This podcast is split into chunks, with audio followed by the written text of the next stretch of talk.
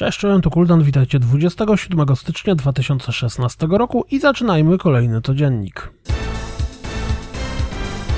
Wszyscy fani Call of Duty Black Ops 3, którzy zacierają nóżkami w oczekiwaniu na pierwszy mappack, mogą zerknąć okiem i ponapawać się rzutem oka na Skyjacked i Splash. Serio? Kolejny park rozrywki? Nie możemy się strzelać na froncie? Musi pod sufitem być podczepiony wielki, nadbuchiwany, uśmiechający się rekin? Pojawił się premierowy zwiastun LEGO Marvel's Avengers. Platinum Games zwiastunem zapowiedziało Teenage Mutant Ninja Turtles Mutant in Manhattan. Premiera na wiosnę. Takie gry jak Blade Ballet zazwyczaj świetnie nadają się jako imprezówki do kanapowego grania.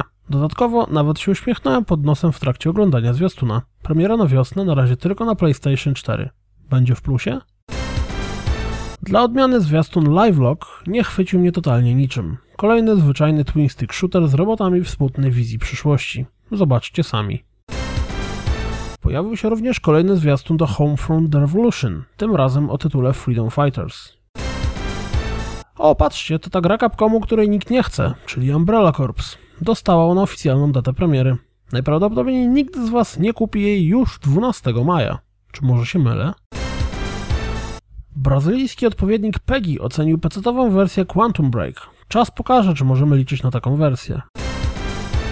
Dowiedzieliśmy się, jaka będzie pierwsza gra Three Fields Entertainment, studia dawnych pracowników Criterionu i zarazem twórców Burnouta i Blacka. Będzie to Dangerous Golf i jak sama nazwa wskazuje, będzie to gra o grze w golfa. Grze, w której będziemy mogli rozwalić sporo rzeczy, na przykład co powiecie na wysadzenie stacji benzynowej? Po twórców Burnouta nie spodziewałem się niczego innego. Zerknijcie na screeny, bo gra wbrew pozorom może być bardzo fajną zabawką. Przy okazji sprawdźcie wywiad z twórcami, który pojawił się w Videogamerze.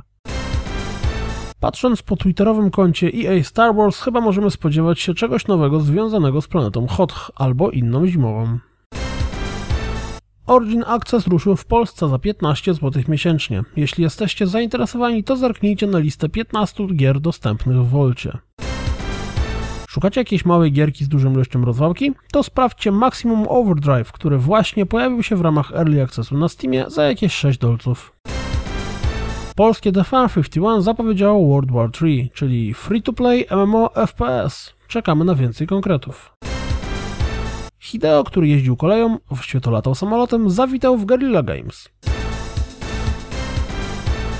To wszystko na dziś, jak zawsze. Dziękuję za słuchanie. Jak zawsze zapraszam na www.rozgrywkapodcast.pl. Jeśli doceniacie moją pracę, to wesprzyjcie mnie na Patryniajcie i do usłyszenia jutro. Cześć!